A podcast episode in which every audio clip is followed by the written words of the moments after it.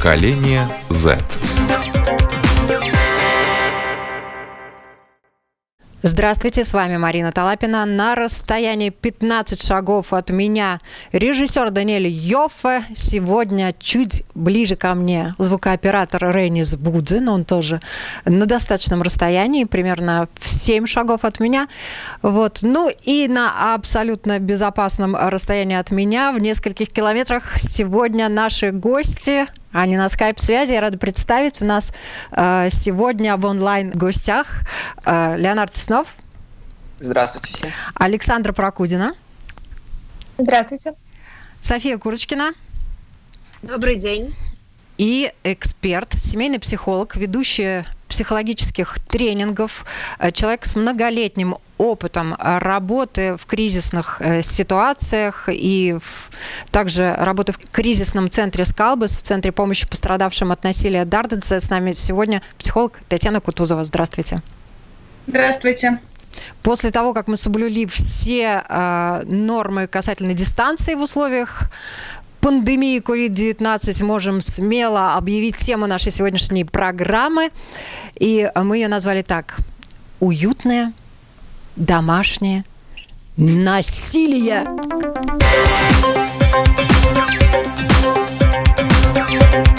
Поколение Z.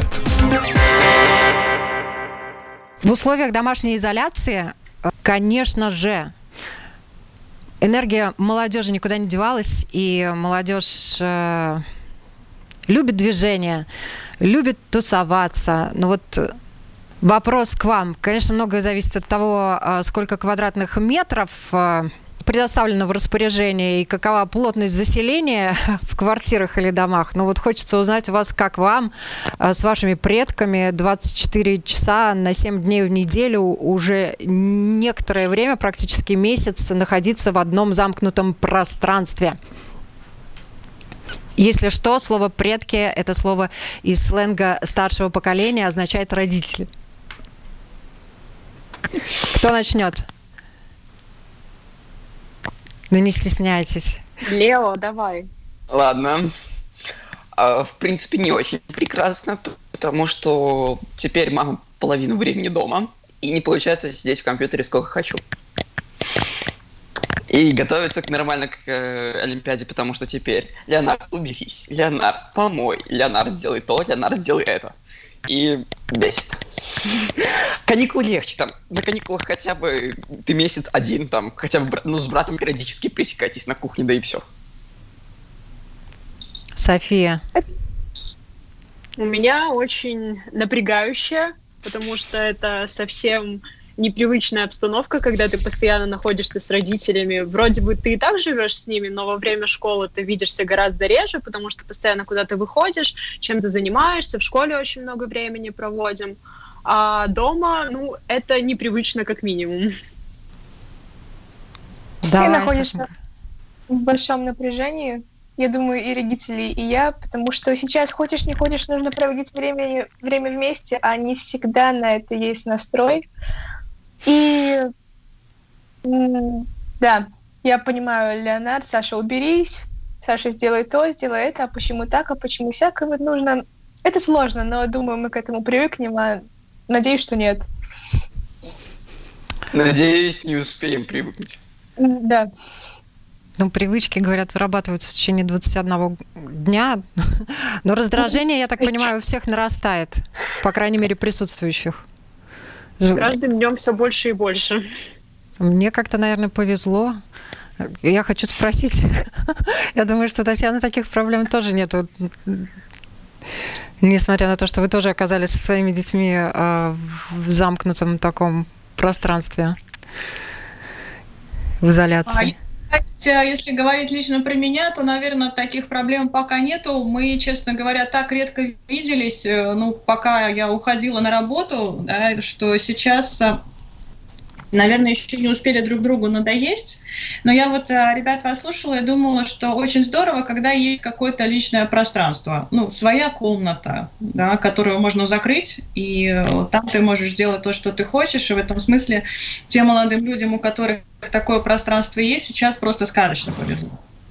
Точно так же, как, наверное, повезло тем, кого а, вот а, не стали срочно воспитывать, да, потому что я когда слушала, как раз э, недавно тоже мы делали эфир о том, что вот это время, когда мы все скучно находимся на одной территории, это не время выяснять отношения и не время э, срочно воспитывать своих детей, да, которые вдруг оказались волей случая в твоих руках. Ну, это больше для родителей. Потому что это как раз очень здорово может раздражать ребята рассказали истории, которые лишний раз подтверждают, что мы выбрали правильную тему, потому что раздражение нарастает, и, соответственно, конфликтные ситуации тоже, наверное, учащаются в некоторых семьях. И а конфликтные ситуации, несмотря на то, что это нормальная часть нашей жизни, да, они все-таки приводят к негативным эмоциям, выплеску, в том числе и агрессии, которая может зашкаливать и приводить к тому самому насилию. Да? И э, если уже были какие-то ситуации, может быть, ваши друзья тоже с вами делились, вот э, какие ситуации реально уже такие эмоционального насилия, психологического, да, и, может быть, физического насилия уже имели место быть? Ну, на самом деле дело в том, что просто рутина приедается, э, и как раз-таки из-за того, что все сидят дома, все сталкиваются, допустим, вот маленькая же площадь, даже просто одну кухню, она настолько маленькая, что там просто вот брат хочет сделать себе завтрак, я хочу пожарить яичницу, мама хочет там еще что-то, и вот просто накопление людей, и тебе, тебя просто уже начинает трясти от того, что у тебя нету вот куда вытянуть руки, тебе некуда этого сделать. И ты это чувствуешь и эмоционально, и физически. Эм, все накипает и у родителей, и у меня, и довольно-таки часто, особенно в последнее время, мы друг на друга срываемся. И все просто выходит, э, ну, доходит до того, что я просто действительно сижу в своей комнате, запираюсь на замок, и это, кстати, мама невероятно раздражает, что еще больше приводит к конфликтам. Да, так что выход это скорее просто сидеть на балконе и смотреть на звезды. Какой у тебя этаж? Четвертый. А, ну, поближе к звездам хорошо видны. Поближе везде. Uh, я уже с родителями ругаюсь. Uh, бабушка уже тряпкой била. Тебя? Мы... А это да. уже насилие. Бабушка уже проявляла физическое насилие по отношению к тебе. Uh, делать-то дома нечего. А Едем баб... к бабушке, бабушке на дачу в Салкрусте. Там э, я начинаю бабушке объяснять, что она делает что-то неправильно. Она на всех орет со словами «Я старше, вы ничего не знаете». И меня бьют тряпкой. Ну, это, наверное, символически в шутку. Нет, к сожалению, нет. София. У меня все не так прискорбно. Как бы тоже присутствует эмоциональное давление, потому что это в первую очередь очень непривычно для всех нас так постоянно видеться но я не могу сказать, что это прям, ну, так сильно. Наверное, у меня так не ощущается из-за того, что все-таки своя комната, плюс учеба, которая тоже занимает достаточно много времени сейчас, поэтому выходить и там общаться с родителями 24 на 7, в принципе-то времени и нет, как, как оказалось на самом-то деле. Поэтому, ну и выходить все-таки погулять не в людные места одному или с кем-то вдвоем. Ну, я не считаю, что это, в принципе, какая-то такая серьезная проблема, поэтому ну, конечно, присутствует небольшое давление, небольшое раздражение, но, в принципе, все мы разные, и сейчас как раз-таки это ощущается как-никак. Вот зачем нам дано это время, Татьяна? Да. Я я хотела сказать, что э, сейчас ну, важно понимать, что напряжение у каждого, оно вызвано не только тем, что все толкутся на одной территории, что у каждого есть еще свои источники раздражения. Родители могут переживать из-за работы, да? они могут быть недовольны, что они там с друг, друг с другом на одной территории находятся. Это тоже отдельный момент. Им тоже может быть непривычно так много времени проводить вместе. Э, часть людей переживает из-за большой неопределенности, когда закончится карантин, заболеем, не заболеем, чем это чревато. Я больше о том, что общий уровень стресса, он высокий, да, поэтому те конфликты, которые случаются, ну, если мы понимаем, что вот они такие острые, вот мы так друг друга раздражаем, не потому что мы такие противные друг для друга, да, а потому что в целом ну, состояние очень напряженное, тогда, может быть, больше получится быть друг другу лояльными. Еще один важный момент, который я вот ну, тоже в ваших рассказах услышала, То, что раньше регулировалось уходом и приходом в школу, на работу, на какие-то тренировки, теперь приходится регулировать самостоятельно. Это и о пространстве, и о времени. Да? И вот если раньше, может быть, никогда не встречались четыре человека на одной кухне, потому что по очереди выходили из дома, то теперь получается, что это надо делать искусственно. Кто у нас когда готовит завтрак? Первый, второй, третий, четвертый, да? кто в какой последовательности смотрит телевизор, пользуется компьютером. То есть то, что как-то определялось раньше пространством, теперь нам приходится брать под контроль. И это может быть непривычно. Этому надо учиться. Правильно? Это единственное, что остается в такой ситуации. Это то, что можно делать, да. Да. Насилие дома и в семье, может быть, э, вы, наши зрители и радиослушатели, когда услышат о них, подумают, что у них-то точно все в порядке.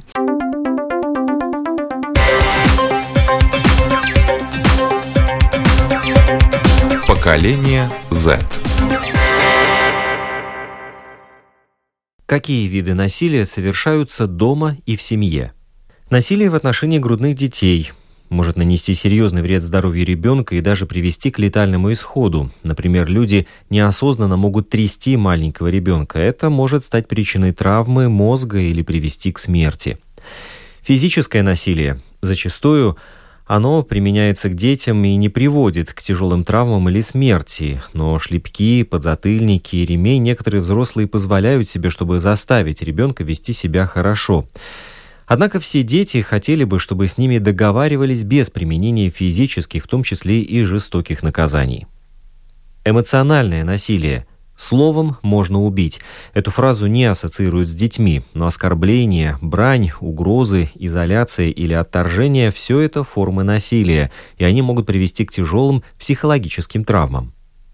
Оставление без присмотра, есть семьи, в которых не следят за безопасностью детей и не уделяют должного внимания вопросам здоровья.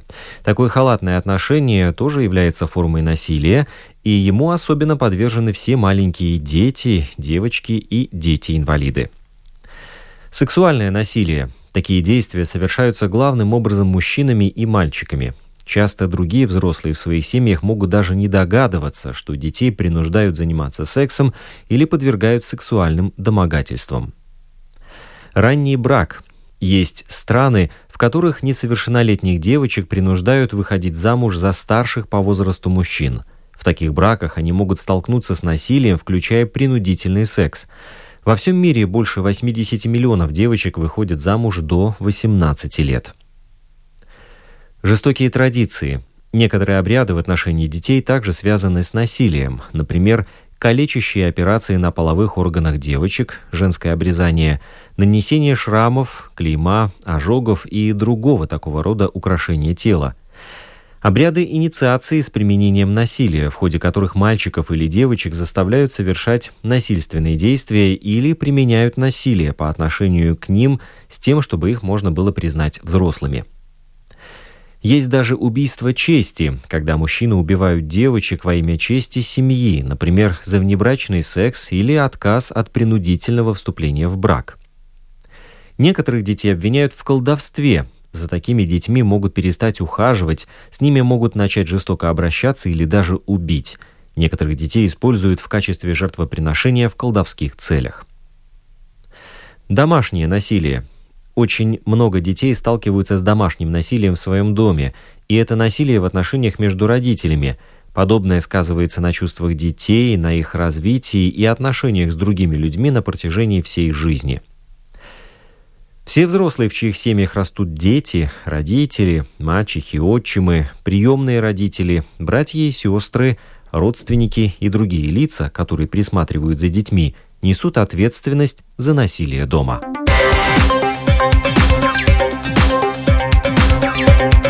Поколение Z. У меня к вам вопрос. Вот вам стало легче? Пришло некое осознание того, насколько хорошо мы живем. Я нашел один пункт. Подходящий а, ко... только, только один?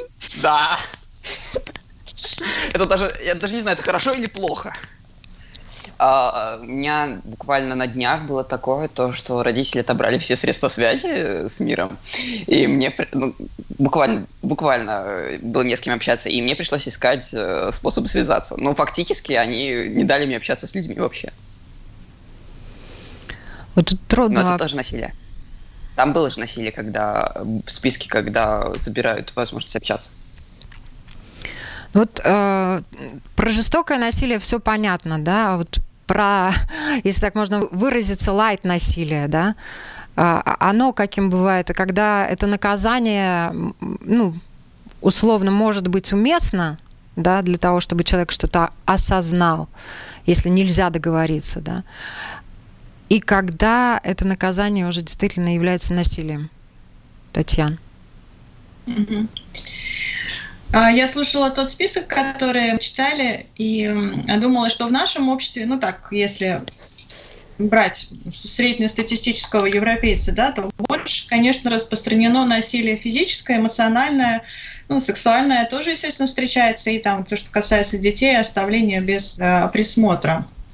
Хотя еще не прозвучал один момент. А, есть э, экономическое насилие, но оно просто чаще используется по отношению к супругам, да, когда человек лишается источников э, финансирования, там, дохода, да, если он себя условно плохо ведет, ну, как бы не выполняет требования второй стороны. И я думаю, что вот молодые люди, подрастающие, они тоже с этим сталкиваются. В определенном виде э, это рычаги влияния, да, и иногда это может проявляться тоже ну, таким больше уже насильственным способом. Ограничение социальных контактов, ограничение финансовых возможностей, да, это тоже а Почему оно может быть насилием? Потому что оно влияет на а, разные сферы жизни. Вот если мы, например, говорим про физическое насилие, а, физическое насилие не существует отдельно от эмоционального насилия, потому что оно вызывает сильные эмоции, страх, гнев, обиду, да, оно портит наши отношения. Поэтому они всегда ходят вместе. Если говорить про э, эмоциональное насилие, то оно, наверное, труднее всего определяется, ну, где люди просто поругались, да, вот, и помирились и разошлись, а где действительно это было насилие. Но насилие, наверное, начинается там, где один человек другого специально, осознанно унижает, оскорбляет, давит, ограничивает, да, когда он это делает с определенными целями. Как отличить это от наказания? Э, сложный момент, чем как бы младший ребенок, тем, наверное, это еще сложнее, вот скажем, шлепок по попе, да, это наказание или это насилие. Но насилие обычно имеет такой оттенок произвола. Да, вот, например, если э, с ребенком или там с подростком договариваются, что мы живем по таким-то правилам, да, ну, даже если они, может быть, не очень нравятся, но в нашем доме живут по таким правилам. Правила ясны, да, если человек их нарушает, тогда оговаривается заранее, что, ну, что будет, и это наказание, оно каким-то образом соизмеримо с тем, что происходит. Ну, я не знаю, условно, испортил хорошую вещь, да, должен возместить ущерб или какое-то время жить без нее, или там э, купить такую же. Ну, вот это такие логичные последовательные шаги. Если же просто поведение человека в семье не нравится, неприемлемо, да, и это вызывает кучу произвольных санкций, то есть, ах, ну раз ты не делаешь так, как я тебе говорил, тогда я буду применять все методы, э, которые мне доступны. Тогда это больше похоже на насилие.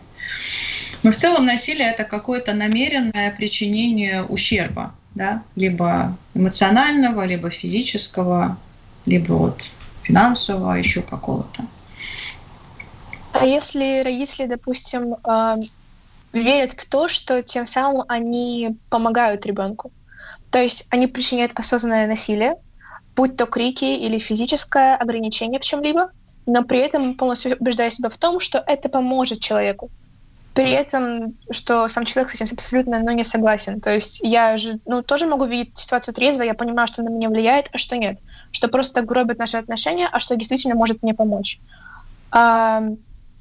И такая еще есть вещь, как эйджизм, что просто банально потому, что я ребенок, э, меня ко мне не так прислушиваются. Даже если я хочу как-то высказать свою точку зрения, объяснить, что конкретно меня не устраивает, почему я себя чувствую, допустим, ну, плохо, mm-hmm. то это автоматом не воспринимается настолько серьезно, насколько я считаю, это должно быть. И как с этим совладать, я не знаю. Вот сейчас уже доходит до того, что вот просто мы думаем по поводу того, что я могу жить отдельно. И, ну, что это просто может уже какой-то выход из ситуации, чтобы мы, возможно, успевали скучать друг по другу, чтобы как-то больше переосмыслить некоторые вещи и понять, как жить дальше, чтобы друг друга, ну, эмоционально не насиловать. Угу. Ну, да, я согласна, что эта грань очень тонкая, да, но вот если мы понимаем насилие как э, нанесение некого вреда, ну, причинение, да, э, тогда становится понятным, что если, например, э, ну, родитель там вот недостаточно внимательно слушает или не прислушивается к мнению ребенка, да, или а, не выполняет то, что от него ожидается, то это вряд ли можно расценить как насилие. Это скорее какая-то ну, родительское несогласие, да, несовпадение взглядов, какие-то конфликтные моменты. Но а, если, например, он запирает в квартире, бьет, наносит какие-то увечья, да, то тогда это все равно расценивается как насилие, потому что это осознанное причинение боли или вреда.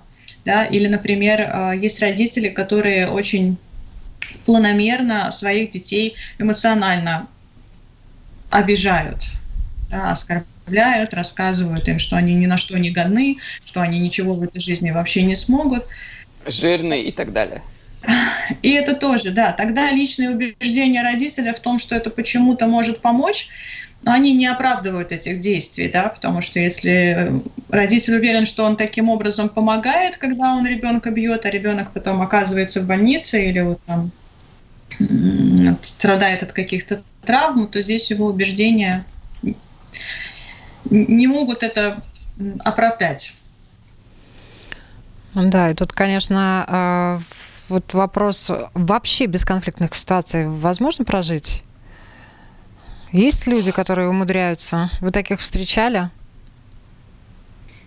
Встречала, но я их боюсь. Честно. А почему?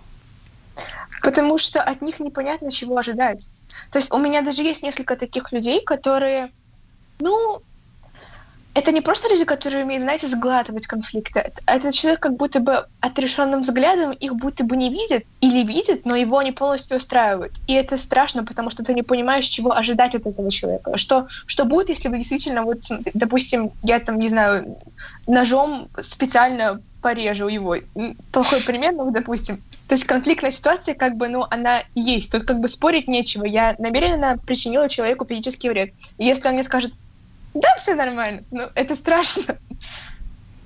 Есть люди, которые мало конфликтуют, а, либо это люди, которые уже как следует поконфликтовали по основным вопросам, пришли к каким-то решениям и научились взаимодействовать более мирно – есть те, которые конфликты просто решают очень быстро. Да? Ведь конфликт не всегда означает насилие или какое-то долгое противостояние. Он означает конфликт мнений, интересов.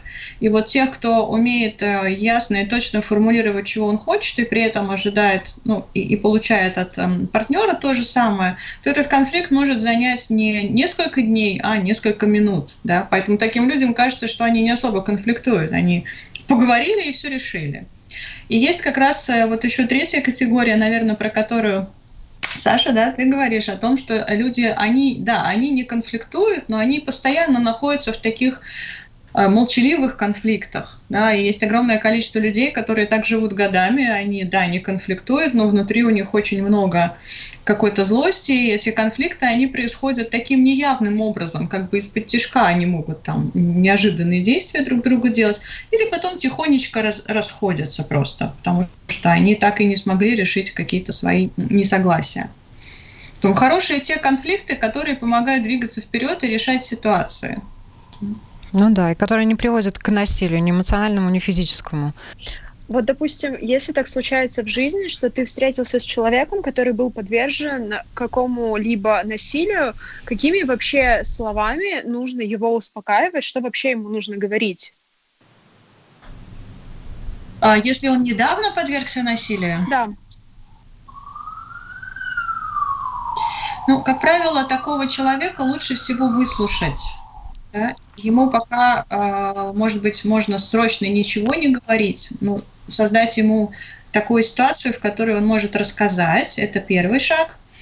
Второй, а, тоже, если что-то очень хочется сказать, его как-то поддержать, э, но я бы сказала, что жертвы насилия очень часто чувствуют себя виноватыми. Да, и вот если удастся как-то до человека донести, что он не виноват в том, что с ним случилось, он попал в такие обстоятельства, это тоже может помочь. Ну и третий шаг – это, наверное, какие-то конкретные действия, если они нужны. Ну, например, если этот человек продолжает находиться в ситуации насилия, то как из нее выйти? И, как правило, Туда уже тогда подключаются какие-то службы социальные, полиция или другие взрослые, например, да, если речь идет о ребенке или вот о подростке.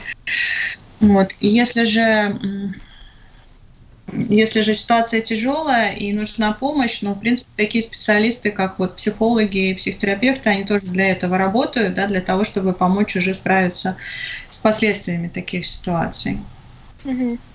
Но, в принципе, те, кто страдает от насилия или пострадал от насилия, самое большое, что могут сделать близкие люди, это быть рядом, выслушивать, помочь оттуда выбраться, да, и вот дать это ощущение, что он не виноват. Наверное, это основной набор такой инструментов. Вот э, у меня вопрос э, в связи с тем, мы поговорили сейчас о помощи э, людям, которые стали жертвами насилия. Естественно, есть э, люди адекватные, которые, совершив э, насилие, может быть, эмоциональное или физическое, они тоже чувство вины испытывают и хотят каким-то образом ситуацию исправить. Вот кто им может помочь исправить? Могут ли они реально сами э, вывести эту конфликтную ситуацию которая дошла до э, этапа насилия на нормальный уровень. Если родители травмировали своего ребенка эмоционально, они могут все-таки это как-то нивелировать и наладить отношения, чтобы у него не осталось э, проблем и комплексов на всю оставшуюся жизнь? Я думаю, что если речь идет о родителях и о каких-то разовых случаях, да, то это сделать не так сложно. Ну, какие-то простые вещи, э, подойти, извиниться, э, поговорить, ну, где-то объяснить свое состояние, да, найти какой-то другой способ донести, что происходит. Это важно. А, Еще чем взрослее ребенок, да, у нас тут э, мы говорим про детей, на самом деле тут молодые люди присутствуют в студии. Я думаю, что в таких ситуациях родителям тоже важно понять, что их детям нужно время. Да? Вот родители э, очень часто ожидают, что я подойду, извинюсь, и все сразу замечательно разрешится. Но на самом деле это глубокая обида может быть, да, это могут быть какие-то на время измененные отношения, и чтобы доверие вернуть, тоже нужно время. Иногда на это уходят дни, иногда на это уходят месяцы, недели, да, ну, когда как. Но такое искреннее желание выразить чувства, извиниться и восстановить отношения, как правило, оно встречает такой же отклик с другой стороны. И совсем другая история, если родитель ловит себя на том, что он это насилие совершает постоянно. Да? Потому что, например, история каждую неделю сначала бить, а потом извиняться, ну, как бы это не вариант.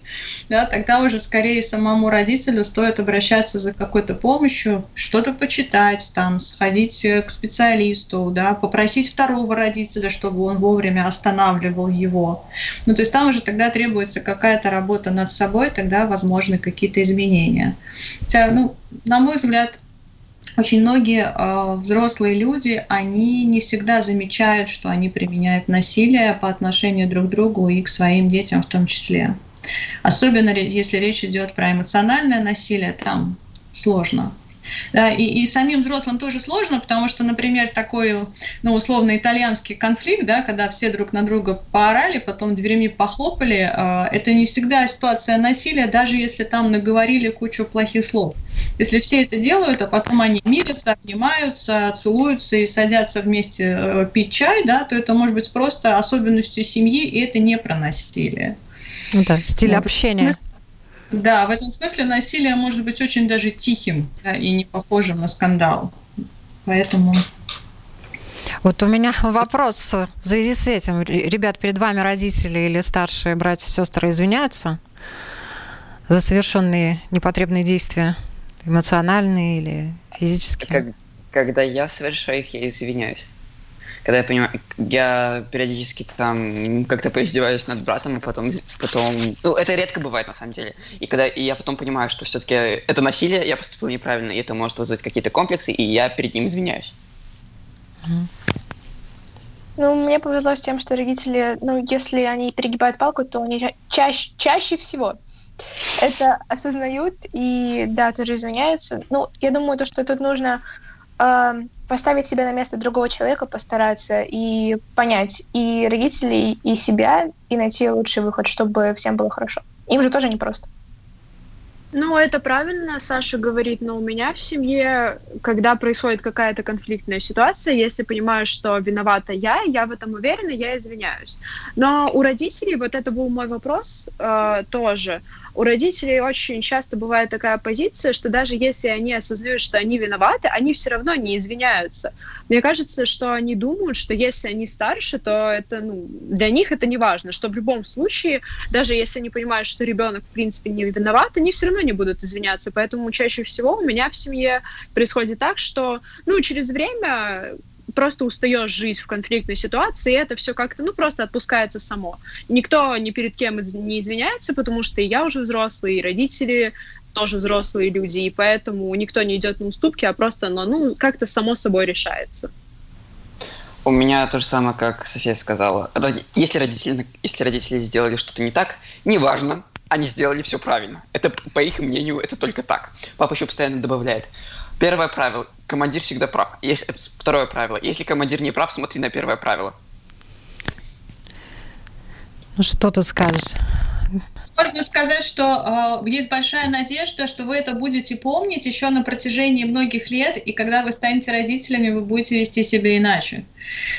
Хотя, как показывает практика, многие дети копируют поведение своих родителей и точно так же ведут со своими детьми. Ну, но если дети запомнили, к примеру, что-то плохое связанное с поведением родителей, то они будут стараться не быть таковыми.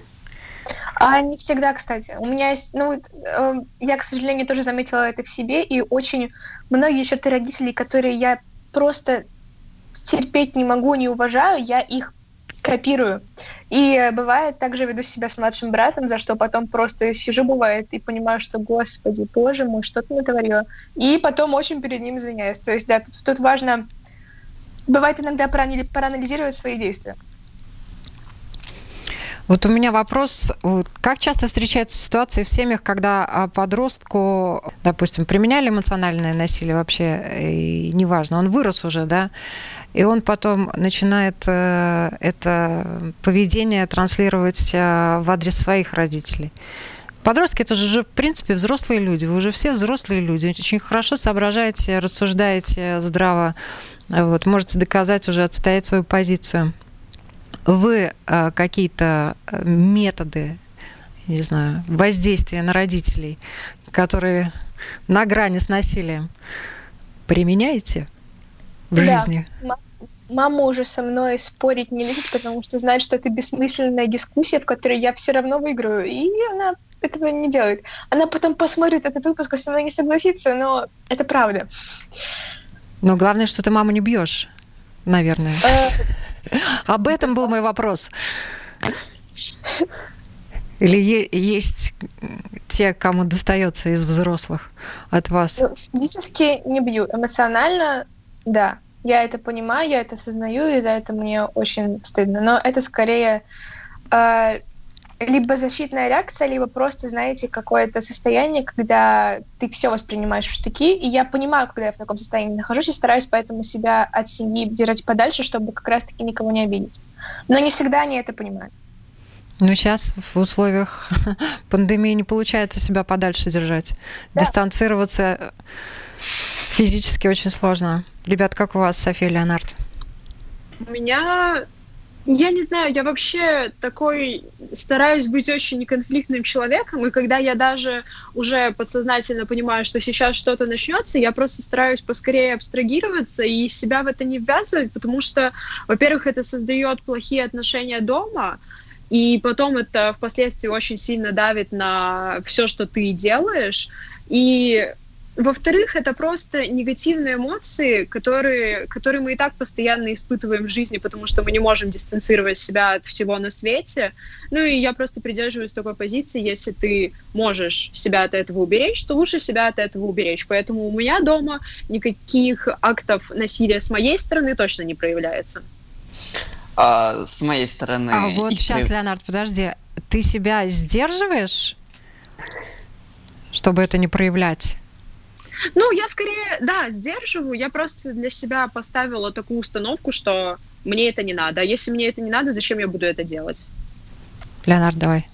А, меня проявлять насилие в сторону родителей крайне сложно, потому что они э, ужасные манипуляторы в этом плане, и угрозы по типу остаться без телефона, без компьютера достаточно весомые а, для меня. Еще мне София напомнил момент, у меня бывает такое состояние, когда я хочу с кем-то поругаться по полной программе. У меня прям настроение поругаться так, чтобы это прям максимально было на грани с насилием эмоциональным. Но, но не физическим, эмоциональным. И после этого такой кайф. И когда выругался по трехэтажным матом обкрыл кого-то, человек расстроен, а потом вы прекрасно общаетесь дальше. Такое не со всеми, правда, получается. Важно же, чтобы это не было насилием. Поэтому надо выбирать людей, с которыми так можно сделать. Ну вот и есть такая поговорка, да, что то, что мы можем позволить э, себе с близкими, там, с людьми другими, мы не можем позволить. И как раз э, люди, которые эмоционально могут э, на другого что-то вылить, это говорит о, о близости людей. Так ли это? Всегда ли это? Татьяна, вам слово. Не всегда яркий конфликт – это показатель близости. В некоторых семьях – да. Иногда это говорит о том, что люди друг друга терпеть не могут. Поэтому вот эта внешняя картинка, когда люди ругаются и кричат друг на друга, она мало что говорит о сущности того, что происходит. Ну, а, если говорить про конфликты с подростками, я бы, наверное, сказала, что молодые люди замечательно чувствуют и знают слабые места своих родителей. И умеют очень точно и очень метко, иногда взглядом, иногда делом, иногда, наоборот, ничего не деланием, да, а задеть их в очень чувствительные места, да, если бы у нас сегодня в студии были родители и был бы разговор про подростков, там было бы очень много того, что подростки такие невыносимые, да, что с ними так сложно договариваться, что они такие своенравные, потому что а, большинство этих конфликтов, они случаются там, где есть конфликт власти, да, вот власти становится у родителей меньше, у молодых людей становится возможностей больше, и, а, на мой взгляд, единственное, что может здесь спасти ситуацию, это хорошие отношения. Ну, потому что когда э, молодой человек, прекрасно знающий, как довести родителей до истерики, слез или крика, да, он может это сделать, и он это не делает просто, вот как София говорила, да, потому что хочется сохранить хорошие отношения ну, не хочется делать ему больно. Но это случается тогда, когда родители тоже занимают такую позицию, когда они тоже не хотят делать своим детям больно и понимают, в какой момент они это делают. Мне кажется, решение где-то здесь. Ну и в завершении, конечно, хочется вообще поговорить, ребят, как вы сами, э, вот когда насилие происходит, выходите из ситуации, и, конечно, куда обращаться надо за профессиональной помощью, если ситуация со стороны взрослых людей и, может быть, взрослым людям тоже обращаться, если со стороны подростков ситуация доведена до апогея? Ну, я с этим сталкиваюсь постоянно, если честно, правда. И э, я не скажу то, что всегда в этом виноваты родители, наоборот, я думаю, что чаще всего я являюсь иници... инициатором большинства конфликтов, и поэтому я просто стараюсь себя в своем роде как-то изолировать от э, родителей. Это не самый лучший выход, но это выход. И другого пока что я особо не вижу. А что делать в ситуациях, когда все заходит до критического уровня, такое тоже бывает. Э, я опять же стараюсь изолироваться только еще больше. Я тогда просто выхожу куда-то далеко и надолго, и друзья помогают. Ну, я не делаю... Родители всегда знают, где я, что я, и в этом роде. И э, опять же, если вдруг я не права, то я всегда извиняюсь. Сложно жить, в общем. А, когда это конфликт, э, не от которого я получаю кайф, э, я обычно пытаюсь э, а, не слушать родителей, это самое главное. Их не надо слушать, то иначе вся самооценка пойдет к, черт... к чертям. А, я их не слушаю, пытаюсь разговор вести так, чтобы родители быстрее выговорились, успокоились, и я мог уйти и забыть прекрасно об этом. Ну, в принципе, все. Но и не пыта... А если вот я кайф от этого получаю, прям вот наслаждаюсь этим, ну тогда я поддерживаю конфликт, ну так, чтобы вот на грани с дракой.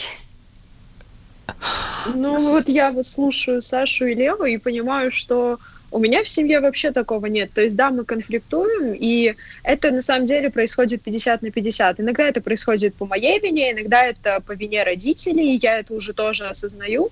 И в таких ситуациях я, наверное, тоже просто стараюсь либо поговорить с самой собой и поставить себя на место родителей, понять, почему они так поступают. Может быть, это действительно я не права. Либо же просто поговорить об этом с родителями, потому что никто не поможет тебе решить твою проблему, кроме как ты, человек, с которым ты конфликтуешь. Поэтому я стараюсь не ввязывать кого-то в такие дела, потому что ответы кроются в нас самих. А, давайте расскажу историю как я был свидетелем конфликта. А, приехал я к подруге на ночевку. Играли мы в настольную игру. Произошло там недопонимание между отцом и этой подругой. В итоге они дрались. Да, настолько конфликт дошел, что отец дрался с девочкой. Из-за игры? Да, из-за игры. Потому, там э, недопонимание в правилах было. Ух, это отец как ребенок себя повел, по-моему. Ну, наверное, проанализировать... Э, я тут точно не имею права даже анализировать эти истории. Слово эксперту. А, ну, я бы здесь сказала, что, наверное, это не первая драка в их жизни, да? То есть, скорее всего, это какие-то отношения, которые э, строились годами, э, и они допускают физическое воздействие друг на друга. Да? Опять-таки сказать, было ли это насилие, или у них так принято, ну, они там друг друга попихали и успокоились, вот так вот нельзя. Да? Мы не можем говорить о том, что это ну, Неизвестно, что это было. Ну вот а можно, нужно куда-то обращаться, кому-то обращаться, если ситуация может быть такая не критического насилия, но имеет место быть насилие в семье, там эмоциональное давление излишнее. Да, я, наверное, скажу пару слов о том, что есть ситуации, в которых э, невозможно договориться с родителем, да, и ситуации насилия повторяются, и тогда имеет смысл рассказать кому-то из взрослых, кому вы ну, доверяете, или обратиться тогда в тот же кризисный центр, к психологам, в социальную службу и так далее. И родители тоже иногда страдают от того, что они никак не могут договориться со своими детьми, и там дорожка ну, примерно такая же. Да? В первую очередь, наверное, это специалисты или какие-то курсы для родителей, или психологи, ну, в первую очередь тот, кто может помочь. Бывают родители, которые прислушиваются к советам друг друга, но если это не помогает, тогда сейчас доступна какая-то специальная литература, вебинары, можно почитать интернет э, и что-то, может быть, понять про себя и про своего ребенка. Как раз э, я надеюсь, что наша программа тоже была полезна для всех, кто нас слушал, э, потому что мы старались со всех сторон рассмотреть тему насилия. Спасибо большое всем, кто был с нами. И хочу закончить нашу сегодняшнюю программу словами выдающегося польского педагога, писателя-врача Януша Корчика, который жил во времена большого насилия в мировых масштабах. 6 августа 1942 года этот человек э, зашел в газовую камеру в Треблинке вместе со своими учениками, хотя мог этого не делать. Вот. И тогда все там и остались. И вот что он говорил. Все, что достигнуто дрессировкой, нажимом, насилием, непрочно, неверно, и ненадежно. И дети это тот праздник, э, который не всегда будет с нами, впрочем, как и родители. Спасибо всем большое. Хорошего дня, до новых встреч.